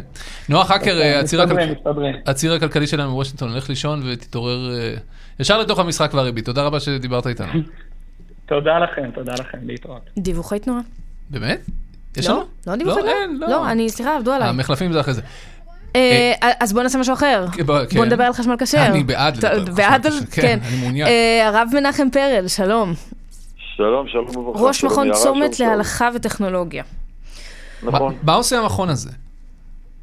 אה, המכון הזה מלווה אה, יזמים ויבואנים ורעיונות לפיתוח, אה, להתאים את הטכנולוגיות לדרישות ההלכה, מחבקים כל רעיון טכנולוגי שעושה את החיים שלנו נוחים יותר ומאפשר לנו לפנות את הראש והנפש לדברים חשובים יותר. לאוזניים חילוניות ו- כמו שלי, אני מקווה לא לפגוע, זה נשמע קצת אוקסימורון לחבר את הטכנולוגיה להלכה. תסביר לי למה אני טועה. נשאל הפוך, סליחה, מהעיניים שלי, למה זה אוקסימורון? אתה יודע, הטכנולוגיה כאילו לוקחת אותי קדימה, וההלכה מחזירה אותי אחורה, שוב, בעיניים שלי. אז uh, אני לא רואה את זה בכלל, ממש לא, uh, מהמם. אולי זה לכן לא התחלתי להבין. ההלכה היא נקראת כך כי היא גם הולכת, הולכת עם האדם מהמם. לכל מקום. אני הוא אותו אני, אותו מנחם, אם אני נמצא בתל אביב או עכשיו באלון שבות, אני לפעמים מתלבש אחרת, הוא מדבר קצת אחרת, אבל אני אותו אחד. גם ההלכה, יש לה את אותם, יש לה עקרונות שאנחנו סוחבים איתנו כמה אלפי שנים, אבל הם, uh, העקרונות מיושמים בהתאם, ל, בהתאם למציאות בכל מקום. טוב. מה זה לא חשמל כשר. חוץ מזה שהוא חשמל שלא מיוצר בשבת וצריך להיאגר איפשהו? יש עוד דרישות הלכתיות בתחום החשמל חוץ משבת? אה, זה לא שהוא צריך להגר, מיד אני אומר. חשמל כשר בעיקר, כשרואים את המילה הזאת, מתייח- מתייחסים לחשמל שלא מיוצר באופן ש... בשבת, באופן אה, פעיל שמצריך עשיית מלאכות בשבת. עכשיו, שאסור הרעיון- גם שלא יהודים יעשו את זה. עבור יהודים, אוקיי, לא עבור עצמם, כן. ברור. אה, לא במדינות העולם. אה, כן, ה- אני חושב שהרצון הזה באמת חשמל כשר פוגש, פוגש אותנו או מפגיש אותנו עם אה, כמה רצונות אחרים יחד. זאת אומרת, גם הייצור של חשמל ירוק, גם ייצור של חשמל אולי, אה, אה, כן, ידיד- אה, ידידותי לסביבה וגם באופן אוטומטי, אה, הוא בעצם אה, חשמל שעשוי להיות חשמל כשר. כדי לייצר חשמל בלי התערבות אה, אה, נצרכת של אדם, בעצם איפה אנחנו, האנשים מתערבים? רגע, תסביר לי- את רעיון ההתלכדות בין חשמל ירוק לבין חשמל כשר. למה- זה... אז, אני אסביר, משום ש... מה זה חשמל? חשמל, אה, מה שהיה מיוצר עד לפני, נניח, עשר שנים, עיקרו היה מיוצר בפחם, אה, מיעוטו בסולר, מזוט, כל מיני דלקים כאלה. שהם אה, מצריכים שני דברים. אחד, הם אה, מצריכים המון התערבות של אדם, גם כדי למנוע אסון, בעיקר בדלקים, מהמם, וגם בפחם כדי לטחון אותו ולהכניס אותו למסוע. מהמם. וחשמל ירוק, שנגעת הקצה שלו, שהוא אה, עם רוח ומים ו- ואנרגיה סולארית, הוא לא מצריך התערבות אדם כמעט בכלל, הכל אוטומטי. אז זה גם טוב לסביבה, וגם עוזר לאנשים לנוח בשבת בבית עם המשפחה, וגם אה, עוזר לנו אה, מדינה יהודית ששומרת שבת. אז למה עוד אין חשמל כשר, אם כך, אם זה או, כל כך? משום שכמו שאמרתי, עד לפני עשר שנים הטכנולוגיה הזאת הייתה מאוד יקרה וכמעט לא קיימת גם, הייתה מאוד לא מפותחת. יותר ויותר היא מתפתחת לכיוון הזה, וגם לפני זה היה קצת את הגז, שיותר קל איתו גם כן לשמור שבת, והמדינה הולכת לקראת זה, רק זו שאלה של השקעות, מה קודם למה. לא מזמן התבשרנו שרשות החשמל אולי שיטה או עומדת לשנות את התעריף של שעות עומס ושעות מהמם. שעות אה, שפל, מה שעלול לפגוע אולי ברצון של אנשים פרטיים לשים לוחות סולאריים על הגג. אה, ואז בעצם החשמל פחות ירוק. אבל אם אנחנו נשב ונעשה את ה- נעשה תוכנית, איך אנחנו רוצים להגיע לא בשנת 2060 כמו בסין, או 2050 כמו בארצות הברית, לחשמל שהוא ירוק, וירוק הוא כשר, לפחות יכול להיות כזה בקלות, מהמם. ואנחנו אה, נקדים את זה, אי אפשר להקדים את זה עם כל הרצון גם של אה, איזה מפלגה שלא תהיה וגם אולטימטום, אי אפשר להקדים את זה לעוד שנה, זה לא יקרה. אבל נקדים את זה לטווח שאנחנו רוצים להשקיע לכיוון הזה מהר יותר, אפשר לעשות את זה, וכל הרצונות שכולם יחד יעשו רק טוב לכולם. אז תגיד, אה, הרב פרל, אה, אני מודה שאותי לפחות הפתיע בשעה הקודמת אה, מנכ"ל משרד האנרגיה, שאמר שהוא לא כל כך, אני עכשיו מפרש את מה שהוא אמר, שהוא לא כל כך מבין על מה הרעש והמהומה, כי בעצם המגמה, התנועה לשם כבר התחילה בכלל קודם, ועוד סימס לי מישהו בהפסקת החדשות, שזה עוד התחיל בתקופה של יובל שטייניץ כשר אנרגיה, שהתחיל את התנועה הזאת, של אה, להקים, ירד, הזכרת את זה, להקים מתקני אגירה שיוכלו לאגור חשמל סולארי במהלך השבוע, ואז בסוף השבוע, בשבת, אה, לחלק את החשמל הזה אה, לאוכלוסיות ש, שזה חשוב להם, ש, ש, שזה מעניין אותנו, למשל לאוכלוסייה החרדית. אנחנו בעצם כבר נמצאים במגמה הזאת? כן, לגמרי, אנחנו, אני בטח לא דובר יותר מדויק ממנכ"ל משרד האנרגיה, אבל ככל שידוע לי, כן, בוודאי אנחנו נמצאים שם. אבל אני מדבר מעבר להגירה. כמו שאמר, הגירה היא מוגבלת מאוד, היא טובה לשכונות מסוימות. Mm-hmm. אני מדבר על כל מדינת ישראל, על כל מי שרוצה, לא רק חשמל כשר, וכמו שאמרתי, החשמל כשר בעצם הוא תמיד, תמיד יהיה גם ירוק יותר. וכנראה בטווח הארוך לפעמים הוא גם תמיד יהיה גם זול יותר. אז אין סיבה לאף אחד, כל הסיבור להתנגד... הוא יהיה זול יותר כשהטכנולוגיה תהיה זולה יותר, הוא לא, כרגע הוא לא. חשמל שמבוסס על סולארי, אז יש השקעה חד פעמית, ולטווח הארוך הוא בוודאי יותר זול, הוא מייצר הכנסה למי ששם את הפאנלים על הגג. לטווח ארוך, כאמור זה גם מתקני אגירה וכולי. אתה חלק מהמגעים הקואליציוניים? לא, לגמרי, אנחנו... לא, לא, לא במובן זה שאתה יושב בחדר, אבל אני חושב שהזכירו את המכון שאתה עומד בראשו בתור אחד הגופים שייקח חלק בסיפור הזה, לא? אני, אני לא יודע, אני מופתע. אני יודע שאחד המכונים, יש שם שלושה מכונים בארץ שעוסקים ב... שניים חרדים ואחד אנחנו, שעוסקים בטכנולוגיה והלכה. אחד מהם באמת היה מעורב במשך הרבה מאוד שנים אה, בחברת חשמל, אה, כדי, חברת חשמל, היום חברת חשמל היא היצרן היותר קטן, זאת אומרת הגדול בין, ה, הגדול בין האחרים, אבל הוא, כן. הוא אחד כן. אה, קטן. אה, והרשות לחשמל לוקחת את זה. לא, אנחנו לא מעורבים בכלל, בכלל בדבר הזה. נשמח להיות מעורבים, כי אני חושב שזאת הראייה כן. שלנו. קצת אה, נותנת יותר ממלכתיות ורוגע. זאת אומרת, לא, זה, זה לא משהו שיקרה מחר, לא נאלץ את כל ההשקעות של מדינת ישראל לגמור את זה מחר, אבל כן לתכנן את זה בשום שכל, שזה רק יעשה טוב לכולם. אגב, אתמול, אה, אתמול אה, יושב ראש הדירקטוריון הקודם של חברת חשמל, יפתח רונטל, העריך פה שזה יעלה, כמה אמר? 100 מיליון שקל? 100 מיליון, נכון, כן. משהו כזה? יש לך הערכות... לא, אה... אבל הוא דיבר רק על הגירה ולא על הרעיון הזה. אה. אם מדברים רק על הגירה ורק לאיקס שכונות חרדיות, אז אולי זה הסכום. כן. אבל מה שאני מדבר זה לא מיליונים, זה מיליארדים, ואני mm-hmm. לא מדבר על זה לכיס של אף אחד, זה לא לטובת אף אחד, אלא לטובת הגלובוס כולו ולטובת אזרחי מדינת ישראל, שוב, לטווח הארוך. כן. ואם הפעולה התחילה אצל שטייניץ, כמו שאלת, אז מה, אז מה עכשיו צועקים? אני חושב שמה שצועקים, אני מדבר בזווית כרגע כן, כן. הלכתית טכנולוגית ולא פוליטית, זה כדי לזרז את התהליך ולהיות ממוקדים בו, אחד. ושתיים, אפשר לעשות את זה גם הכל ככה ולא כשר. ואפשר לעשות את זה בקלות, בלי עלות, אני לא חושב שיש לזה עלות משמעותית בכלל, שזה יהיה גם מותאם לשבת לגמרי. תגיד, אתה, אתה יכול לתת עוד דוגמה לאיזה כזה טכנולוגיה שאתם עושים לחיבור עם ההלכה, שלא קשורה לחשמל? סתם, אני סקרן פשוט. כן, למשל, אה, אה, בתים, הטכנולוג... הבתים היום עמוסים בטכנולוגיה, להביא מה שהיה לפני 100 שנה שהיה רק אינסטלציה או להביא טיפה חשמל, והיום כל כניסה לבית וכל הליכה במסדרון וכל אפילו השלכת השפעה היא כרוכה בפעולות שהן מוגדרות כחילול שבת, mm. ואנחנו בשנתיים האחרונות, אולי קצת יותר, עוסקים במציאת פתרונות לכל אחד מהצרכים האלה. תגיד, זה קשה מאוד אבל להשיג פסקי הלכה מתאימים, לא? סליחה? אני אומרת, קשה מאוד להשיג פסקי הלכה מתאימים, אתם לא נתקלים בזה כל הזמן? אה, לא אצלנו, לא, לא, לא, לא בזווית הראייה שלנו, אני חושב שחלק גדול מאוד מהציבור, ואולי אפילו רוב הציבור. שהשבת אכפתית אה, חשובה לו, חשובה בעיניו, אה, כן, עושים את זה. זה לא רק בעסקי הלכה, זה לא, אני לא מתאים את ההלכה, אני גם מייצר אמצעים או, או מלווה פיתוח של אמצעים טכנולוגיים. לא, זה ברור, אבל אנחנו רואים שהחדירה של מוצרים כאלה בציבור החרדי היא מאוד מאוד קשה. כשמייצרים מוצרים אה, טכנולוגיים שנועדו להיות כשרים, זה תופס בציבורים דתיים-לאומיים. ציבור חרדי קשה מאוד לקבל דברים שמשנים. למה? תלוי איפה. את יודעת שאני הופתעתי לראות את הנתונים שבמודיעין עילית, ביתר עילית וכולי, אחוז השימוש באינטרנט הוא הרבה הרבה יותר גבוה ממה שאת מדמיינת. אה, ובאפליקציות וכולי. אה, באינטרנט כזה, טוב, אבל שם חלקים גדולים מהציבור החרדי נמצאים שם. זה, אני מדברת על מוצרים שהם, אתה יודע, באמת חשמל, אה, אני יודעת, מעליות. מעלית שבת, מה שאפילו כן. שימוש במעלית שבת שהיא אוטומטית, ואפשר לעשות אותה גם עוד יותר. נו, וציבורים חרדיים לא לוקחים את זה. הציבור החרדי מתחלק, יש מקומות, יש ויש, אני מסכים, ובאמת, יש לזה באמת אתגר אה, לאומי במדינת ישראל, כי זה חונק את האפשרות לבנות לגובה. כן. והשטחים שלנו מאוד מצומצמים. מהמם. אבל אה, אפשר, אני חושב שברצון טוב אה, אפשר גם- גם להגיע לדבר כזה. אנחנו זה בעד. נכון שזה לא כולל את כולם. אנחנו בעד. הרב מנחם פרל, ראש אה, מכון צומת להלכה וטכנולוגיה, תודה רבה תודה. שדיברת איתנו. תודה, תודה גם לכם. עכשיו דיווחי תנועה. עכשיו דיווחי תנועה.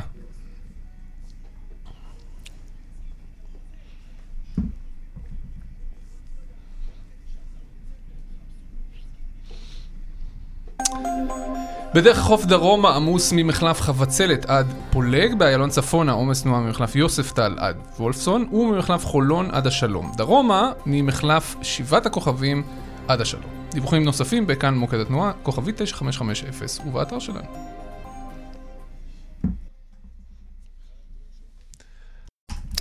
חזרתם אלינו, וטוב שכך. אה, ואנחנו, שאול, ממשיכים בחיפוש הארוך שלנו במהלך- התוכנית הזאת אחר אה, מקורות אנרגיה נקיים.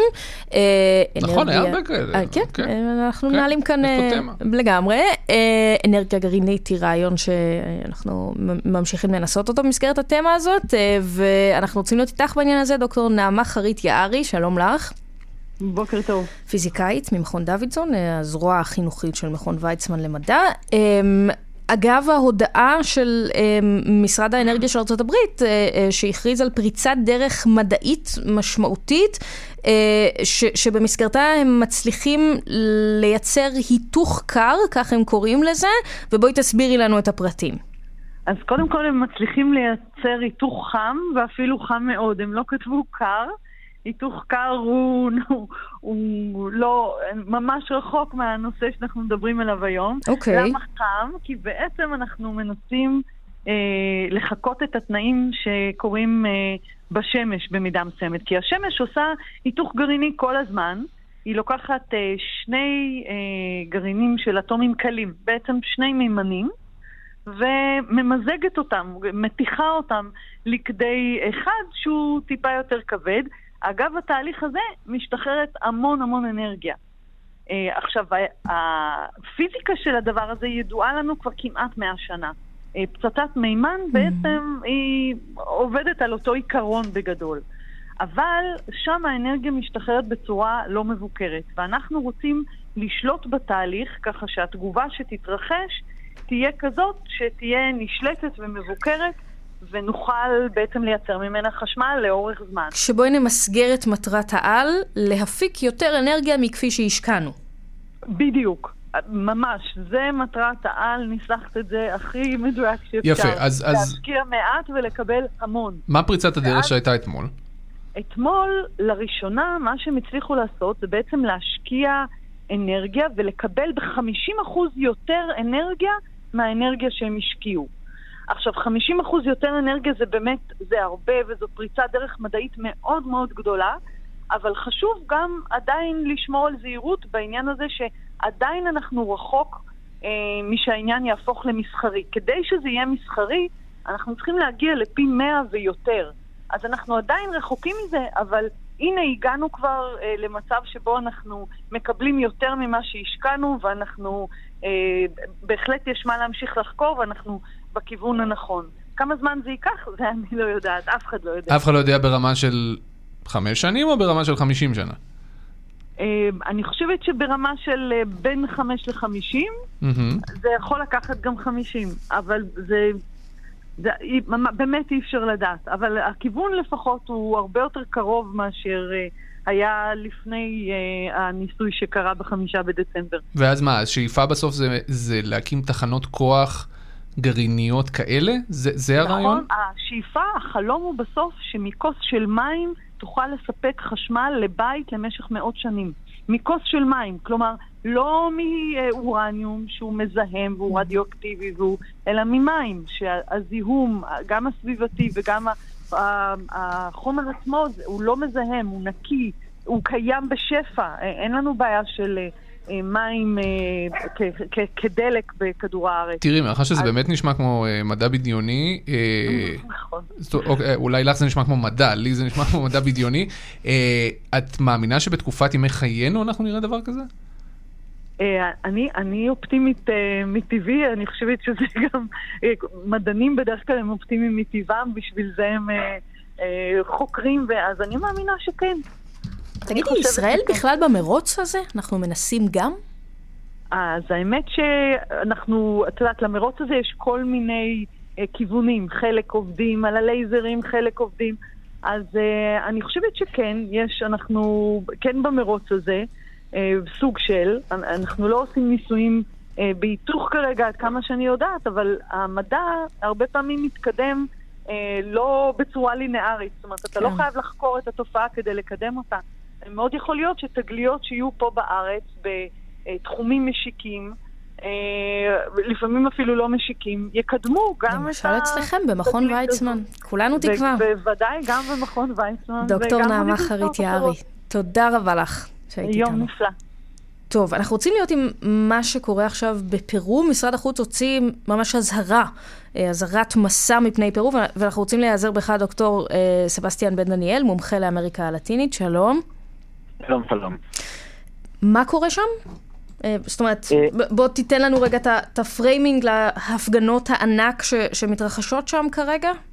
אוקיי, אז מה שקרה ביום רביעי הקודם, הנשיא הנבחר פדרו קסטיו, הוא הכריז על אה, ביטול סמכויות הקונגרס, ובעקבות... רק אם, כן. אם תוכל לזוז טיפה, שנשמע אותך טיפה יותר טוב, כי אנחנו לא שומעים אותך מצוין. אה, הנשיא, כן, אה, אה, ביטל את סמכויות הקונגרס, נכון? אחרי שנטען אה, שלא נתנו לו לשלוט, שחקרו אותו חקירות שחיתות אה, כן. אה, חסרות תוחלת, אה, ובתגובה הוא החליט שהוא דיקטטור מעכשיו, נכון? אוקיי, אז אה, גם חקירות שחיתות נגדו, נגד משפחתו, וגם תהליכים נגדו על חוסר היכולת מורלית לנהל את המדינה, על בגידה בעקבות באמת האשמות מאוד מוזרות, על זה שהוא רצה לתת לבוליביה גישה לים, דברים באמת אה, מופרכים. הוא היה, בוא נגיד ככה, מהיום הראשון שהוא נבחר, גם לפני זה, הוא היה אבן בנעל של האליטות של אה, פרו. ו- והם רצו להיפטר ממנו, ואז התהליך השלישי של ההדחה, שכבר השיג רוב, זה פחות או מה שהוא הבין ביום רביעי הקודם, ו- ואז הוא הכריז על פיזור הפרלמנט, ו... מה? כן, אנחנו עדיין לא כל כך שומעים אותך טוב, אולי תנסה. נבקש ממך עוד פעם לנסות לזוז קצת בשביל שקו הטלפון כן, ישתפר. כן. אמ, אני זז, כן. כן, ו... אמ, הוא לא בפרו, נכון? בס- אתה בוודאי. לא אני בפרו, בפרו. אני בבאר שבע כרגע, אבל... באר אולי שבע. זה- יש, גם בישראל כן. מקומות עם קליטה בעייתית. לא, לא, אה, יש, כן. בהחלט. לא, אה, ובסוף, אה, עכשיו סגנית הנשיא הפכה לנשיאה, אה, הרכיבה ממשלה עצמאית שנוטה לימין, בשונה משלטונו של הנשיא נכון, שנבחר לפני שנה וקצת, שהוא מהשמאל הרדיקלי אפילו, אפשר לומר, נכון? הוא כן, אבל הוא לא שלט כשמאל רדיקלי, הוא חבר המון, ל... הוא היה מאוד פרגמטי בעצם, הוא ניסה כן להוסיף אה, מועמדים עצמאיים לממשלה שלו, והוא לא עשה רפורמות רדיקליות כמו שהם מצפים ממנהיג עובדים מרקסיסטי, זה לא רק בגלל זה שהם העיפו אותו, אלא בעצם בגלל מי שהוא. עכשיו, הסגנית נשיאה, שגם היא באה מהאזורים האלה, אבל אה, בעצם אין לה לגיטימיות, כי אמנם, אה, בוא נגיד ככה, החלוקת כוח בפרו היא מאוד מאוד מרוכזת בלימה. ושם כן רצו מאוד להיפטר מהנשיא הזה, אבל האזורים היותר מפריעים של פרו לא מוכנים לקבל את השלטון של אה, דינה הזה. כן. כלומר, הם רואים את זה כהפיכה שלהם, ולא מין הפיכה עצמית של אה, פרו כן.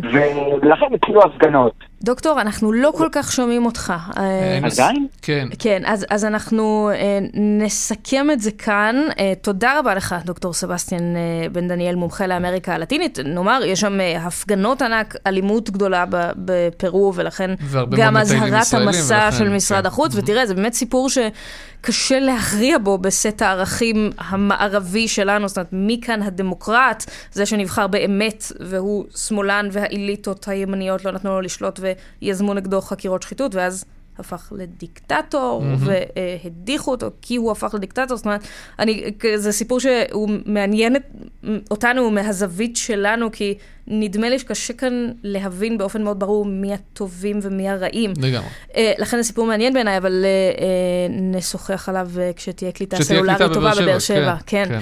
אה, דיווחי תנועה בינתיים? בבקשה.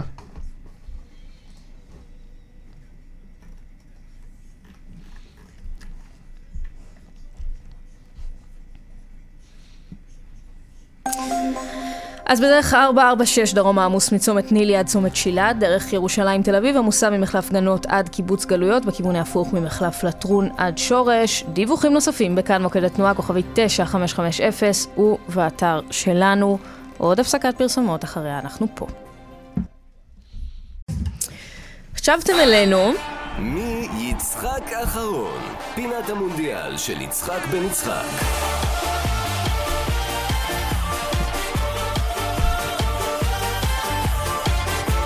עכשיו שבתם אלינו. עכשיו שבתם אלינו, כן. הלוואי שכל חיי היו ככה. היו עם, רק אה, פינת מונדיאל של כן, יצחק בן יצחק. שלום יצחק בן יצחק. בוקר טוב, מונדיאל שמח, מלא מלא. גם לך. יערה ושאול, שיהיה לכם יום מקסים ולמאזינים שלנו. תודה גם לך. איך- איך היה לך אתמול? אה, אני, איך אומרים, עוד בחלום, ואני כבר, אני, אני מחכה ב, בקוצר רוח למשחק של היום בערב. אתה יודע, אני, רצים לי הסרטים, ואתה יודע, ולחשוב שבעוד כמה ימים אנחנו נחזור לליגה המשוגעת שלנו, כן, סכנין, ריינה, הפועל תל אביב. אה, אז אני כן. משתדל לחלום את החלום המתוק כל רגע וכל שנייה. אני מסכים. אה, ממה נהנית במיוחד במשחק אתמול? אני צפיתי עם הבן שלי ומאוד מאוד נהנינו. אין, תשמע, המשחק ברמה גבוהה, קרואטיה אומנם התחילה חזק מאוד, השתלטה במרכז המגרש, וזה הלך וכמעט הביא לנו את השחזור של 2018, כשקרואטיה ניצחה את ארגנטינה, אבל הפעם זה נגמר בדקה ה-34, כשהשוער של קרואטיה הכשיל את אה, חלוץ המטרה של אה, ארגנטינה, אלברס, והשופט האיטלקי שהיה מצוין, מצוין. המ- במשחק הזה אני מזכיר לכולם שעבר, שאני לא כל כך אוהב אותו. מה זה לא כל כך? לא אוהב אותו בכלל. כן. עבר לא התערב אפילו פעם אחת. פנדל, פנדל. תשמע, אני לא מאמינה שעברה דקה וחצי ועוד לא אמרת מסי.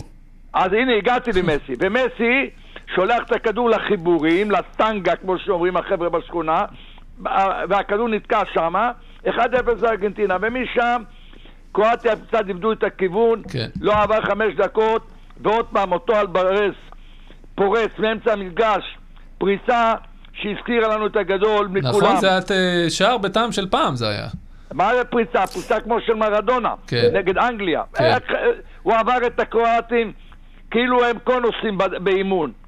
ו-2-0, 3-0, דקה 69 כבר, זה היה לפרוטוקול. אבל זה היה שער מהמם. אבל בדיוק, אבל אה, זה בא אחרי מבצע של אומן, באמת, אומן כדורגל, מסי. כן. אם היה אפשר ספק... שאלה? אתם יכולים להסביר לי רגע משהו? כשאומרים על מישהו שהוא לא משחק תשע קלאסי, למה הכוונה לחלוץ שלא משחק? לא, אבל מסי הוא עשר. הוא לא. הוא עשר, לא, אבל מי שהבקיע כאן הוא התשע אה, שלו. אוקיי, כן. התשע שלו.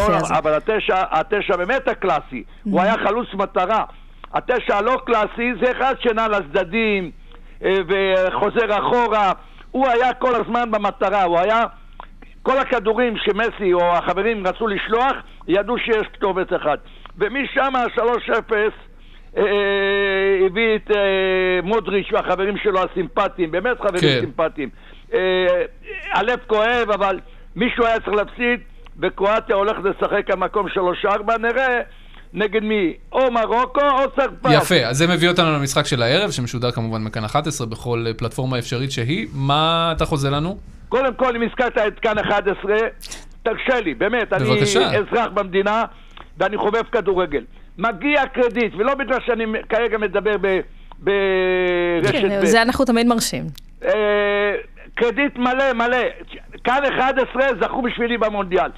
עבודה נהדרת, אולפן נהדר, שדרים אחד-אחד, שדרניות, יערה, שדרניות, הפתיעו אותי. אז לכן מגיע. למילה טובה, ולמשחק של היום, כן. אנחנו הולכים למשחק. אני היום פגשתי שני פועלי עירייה ביבנה. דרך אגב, אני גר ברחוב יערה. אז אה, שתי, הפועל, שתי הפועלים, אה, בני עמנו, מה שנקרא, אמרתי להם, מה יהיה היום? אחד קפץ אמר, פונס, והשני אמר, לא, מרוקו. אז אני, באמת, אני, אני אמרתי אתמול, ואני, אה, שלשום, ואני חוזר על זה היום. אני הולך עם ההפתעה, נכון, כולם צרפת, NPV, ו... אבל זה גם תבינו, פשוט יהיה סיפור מרוקו, יותר טוב. הם באים חומה בצורה, יש להם מאמן שרק לפני חודש, שלושה חודשים וחצי מונה. והוא עושה בית ספר לכולם. לעומתו עומד מולה מאמן של צרפת, דשאן. אה, מאמן מאוד מעוטר, זכה כשחקן, כמאמן, מהמם. באליפות העולם, אה, באליפות אירופה, וזה יהיה קרב, באמת, של... אה, אנחנו לא, אנחנו שוכחים, כולם אומרים צרפת, צרפת, אבל מרוקו במוקדמות עשתה בספר לכמה קבוצות גדולות, לקרואטיה, היא כן. הביכה את בלגיה, בהמשך את ספרד ואת פורטוגל, והם קיבלו רק שער אחד, והוא גם כן שער עצמי. אז נגד הגנה כזאתי, אני לא יודע מה יעשו צרפת. בכל אופן, אנחנו רוצים, נכון, אנחנו רוצים מונ- אה, גמר קלאסי, מה שאומרים, ארגנטינה נגד צרפת, אבל אני, אני, כן. אה, כחובב ספורט זה תמיד בעד, בעד האנדרדוג. יפה. אני רוצים את, אה, לקחת את מרוקו, ואם לא, אז נהנינו, בדיוק. נהנינו. ננצח, נ- נרוויח בכל מקרה. יצחק בן יצחק, לשעבר שופט אה, כדורגל בינלאומי ופרשן קלמן ליברמן למונדיאל, כרגיל היה לעונג לדבר איתך, תודה רבה. תודה. תודה, תודה לכם, יום אה, מקסים ומוצלח לכל עם ישראל. גם לך שיהיה יום מקשיב ומוצלח, וגם לך עומר בן רובי, שלום. שלום, שלום יערה, שלום שאול, בוקר טוב. אה, אה, פינתך הקבועה, והפעם אה, ברקע פטירתו של השופט בדימוס אה, יצחק בנאי, שהלך לעולמו בגיל 92. אה, אביהם של, של אביתר ושל אורנה ושל מאיר ושל אפרת בנאי, אה, והלווייתו תתקיים ביום רביעי. נכון, ארון השירים היהודי. נפרדים באופן אה, טבעי, הפרידה הזו היא בתוך ארון השירים היהודי, בגלל ההקשר המשפחתי הרחב, לא רק ההורים, לא רק האחים, לא רק הילדים שהזכרת, אלא גם אה, גוף היצירה המשפחתית עצמו. הפרידה היום היא, כמו שאמרת, מיצחק בנאי, שופט בדימוס. אה, נגיד גם מבוני הארץ הזאת, בן למשפחת האומנים בנאי, נפטר אתמול. יצחק אה, נולד בירושלים ב-1930, הוא אח של יוסי בנאי, אח של חיים, של יעקב, עליהם השלום, אח של גברי, ייבדל לחיים ארוכים, גברי הגשש, ואבא של אביתר בנאי, של אורנה, של אפרת, של מאיר בנאי, עליו השלום, בנו בכורו, שאותו הוא איבד אה, לצערנו הרב בגיל אה, מבוגר, עבר אה, חוויה קשה ביותר. על אבא יצחק ועל משפחתו, אביתר כתב לא מעט בין השורות, אבל הוא כתב גם שיר אחד ספציפי, רחמים, שבו, הנה אני מצטט מתוכו.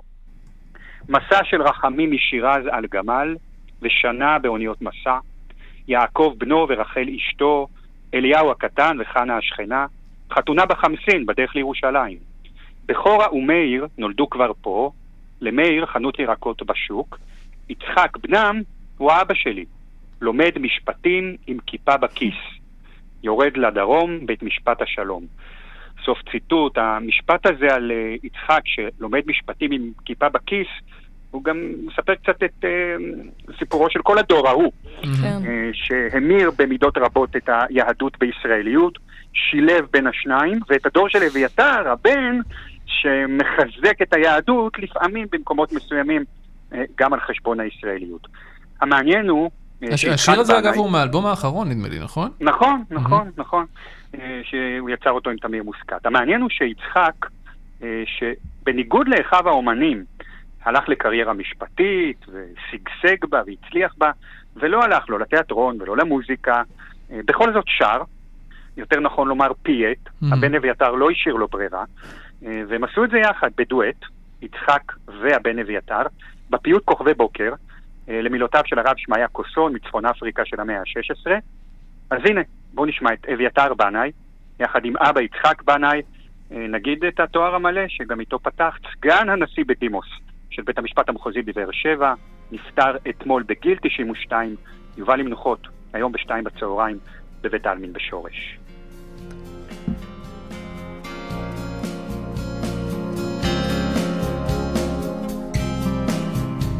שימו לב על הנשמה לשם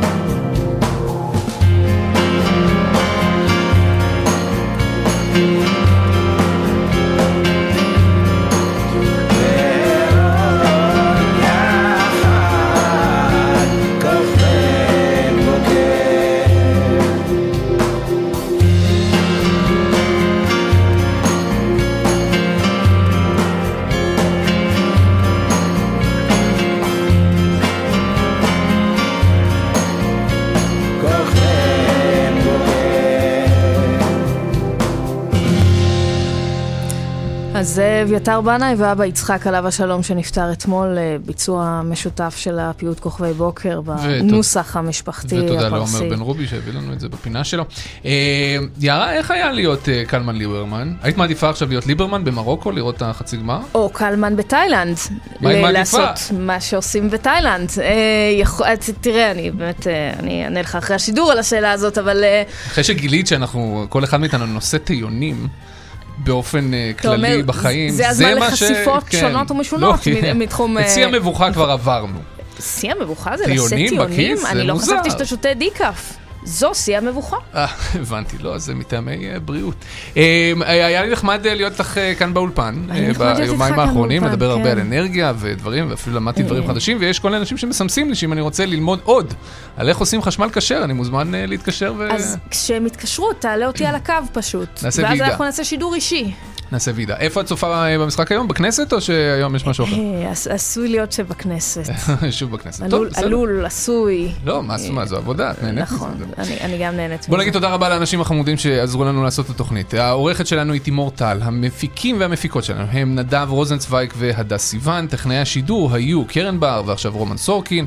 בדיגיטל לילך גביש, על דיווחי התנועה, התנועה חגית אלחייני, שימי לב שלא המצאתי ולו מחלף אחד. שזו טעות בעיניי. נורא רציתי, אה, אבל הפחידו אותי פה שאסור. אה, את ההזדמנות הזאת, רציתי. ואנחנו גם מגישים מחליפים, מה היו עושים? היו מסלקים אותך. מפטרים אותי על זה. זהו, בדיוק. מה... חבל, אולי בפעם הבאה. אה, אבל קלמן ליברמן יחזרו לכאן ביום ראשון, ואולי יעשו פחות שטויות. מחלפים, כן. אה, או להפך. תודה רבה לכולכם ולכולכן שהאזנתם לנו, שיהיה המשך יום נעים.